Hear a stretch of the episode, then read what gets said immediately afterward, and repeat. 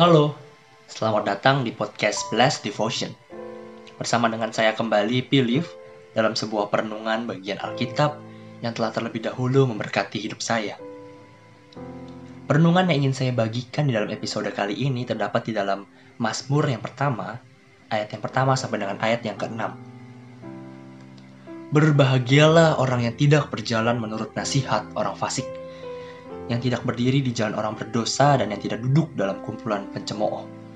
Tetapi yang kesukaannya ialah Taurat Tuhan dan yang merenungkan Taurat itu siang dan malam. Ia seperti pohon yang ditanam di tepi aliran air yang menghasilkan buahnya pada musimnya dan yang tidak layu daunnya. Apa saja yang diperbuatnya berhasil. Bukan demikian orang fasik, mereka seperti sekam yang ditiupkan angin Sebab itu orang fasik tidak akan tahan dalam penghakiman, begitu pula orang berdosa dalam perkumpulan orang benar. Sebab Tuhan mengenal jalan orang benar, tetapi jalan orang fasik menuju kebinasaan. Ketika saya membaca Mazmur ini, kata yang terngiang-ngiang di kepala saya adalah kata kesukaan. Berbicara tentang kesukaan, atau mungkin juga sering kita sebut sebagai hal-hal favorit, tentu ada banyak sekali hal-hal tertentu dalam hidup kita yang kita favoritkan. Kita bisa memfavoritkan benda atau sifat tertentu, misalnya warna favorit, aksesoris favorit, topi favorit, baju favorit, genre musik favorit, atau film favorit. Kita juga bisa memfavoritkan kegiatan-kegiatan tertentu yang akhirnya menjadi hobi kita, seperti membaca, berolahraga, atau bermain alat musik tertentu. Bahkan di dalam relasi, tidak jarang kita cenderung memfavoritkan orang-orang yang ada di sekitar kita, seperti teman dekat atau keluarga. Tanpa kita sadari, sebenarnya hal-hal yang kita favoritkan membentuk identitas diri kita. Karena memfavoritkan warna merah, maka kebanyakan benda-benda yang kita miliki bisa saja berwarna merah.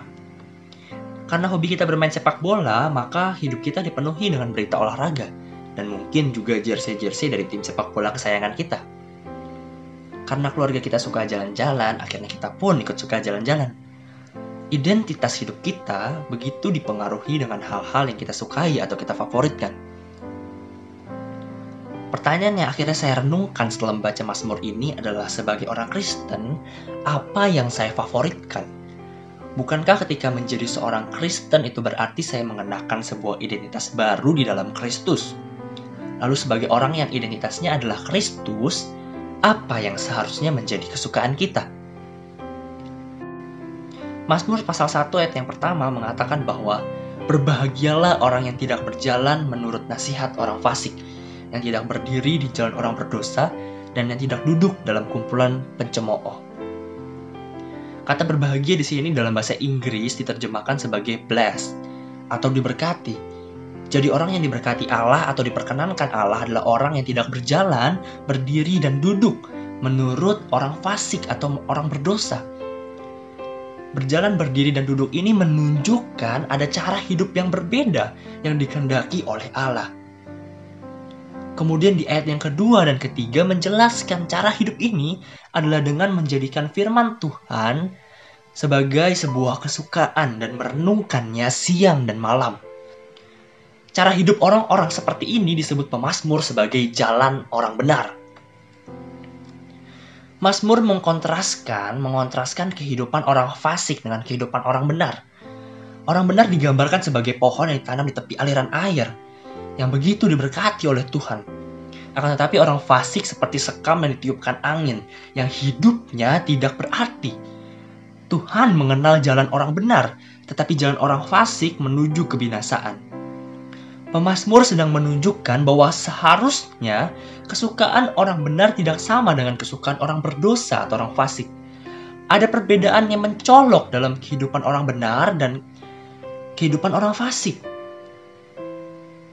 Ada perbedaan yang begitu mencolok antara orang benar yang kesukaannya adalah firman Allah dan orang fasik yang kesukaannya adalah dosa. Sekali lagi, kesukaan kita pada akhirnya akan menunjukkan identitas kita yang sebenarnya. Orang Yahudi pada waktu itu tidak memiliki kitab dalam bentuk buku seperti yang kita miliki saat ini.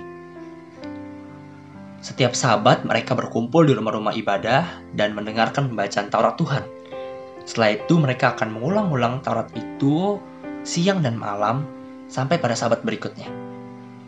Seperti inilah konteks kehidupan orang Yahudi pada waktu itu dalam pembacaan dan perenungan firman Tuhan. Saat ini kita sebagai orang Kristen adalah orang-orang yang dibenarkan oleh Allah.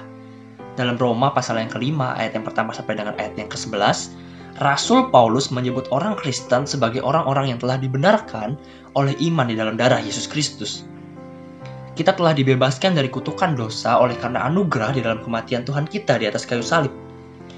Oleh sebab itu, kita adalah orang-orang yang telah dibenarkan, dan seharusnya kita pun hidup menurut jalan orang benar.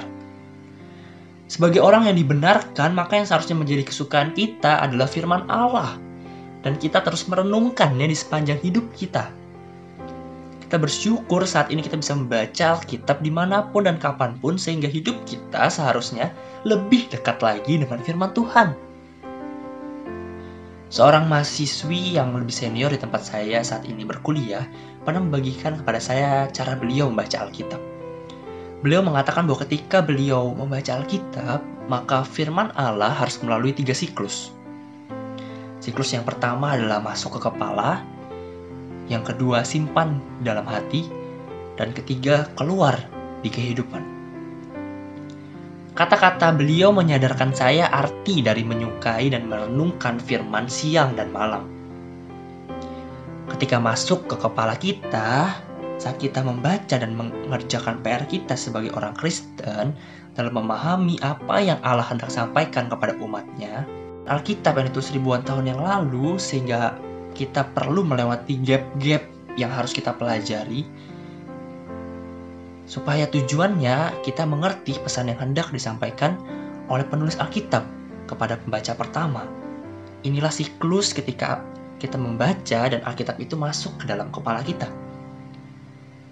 Kemudian ketika kita telah mengerti, kita menyimpannya di dalam hati kita dan berulang kali merenungkannya siang dan malam.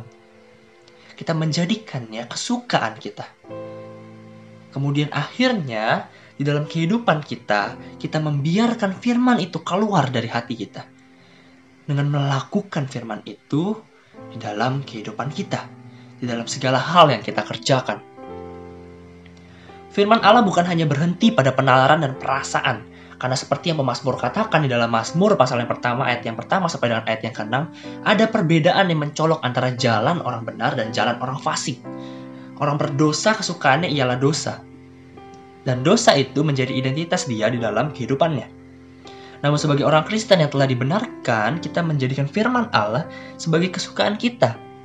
Oleh sebab itu seharusnya firman Allah menjadi identitas hidup kita. Misalnya ketika saya menyukai warna abu-abu, maka saya akan menunjukkan itu dengan sering menggunakan kaos berwarna abu-abu atau menggunakan benda-benda lain yang kebanyakan berwarna abu-abu.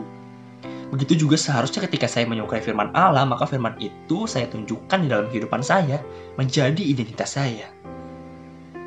Inilah yang akhirnya saya pahami sebagai definisi dari menyukai Taurat Tuhan dan merenungkan Taurat itu siang dan malam. Pemasmur kemudian bukan hanya berhenti di situ.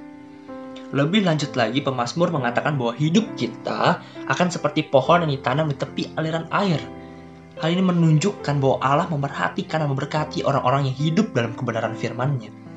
Ini bukan hasil usaha kita dari perbuatan baik, dari berbuat kebaikan, tetapi semata-mata adalah anugerah Allah di dalam hidup orang-orang yang dekat dengan firman-Nya. Sungguh luar biasa, Allah yang membenarkan kita, Allah yang telah membenarkan kita, bahkan menyediakan bagi kita berkat ketika kita menghidupi pembenaran yang diberikan melalui penderitaan dan kematian anaknya yang tunggal, Yesus Kristus Tuhan kita di atas kayu salib. Saat ini di tengah masa pandemi COVID-19, kita mendapatkan lebih banyak waktu di rumah. Inilah sebenarnya kesempatan kita untuk lebih lagi mencintai firman Allah. Inilah saatnya menggunakan waktu-waktu yang ada untuk belajar lebih dalam lagi tentang kebenaran firman Allah Bukan hanya itu, bukankah banyak kesempatan kita bisa menyaksikan firman itu di dalam kehidupan kita kepada orang lain di tengah-tengah masa yang sulit dan penuh penderitaan seperti saat ini? Sudahkah firman Allah menjadi kesukaan dalam hidup kita? Sudahkah firman Allah menjadi identitas diri kita sebagai orang Kristen? Mari kita merenungkan kembali bagaimana kehidupan kita sebagai orang Kristen. Mari kita renungkan kembali bagaimana kehidupan kita dalam menyukai dan merenungkan Alkitab di hadapan Tuhan sampai hari ini. Tuhan Yesus memberkati. Solideo Gloria.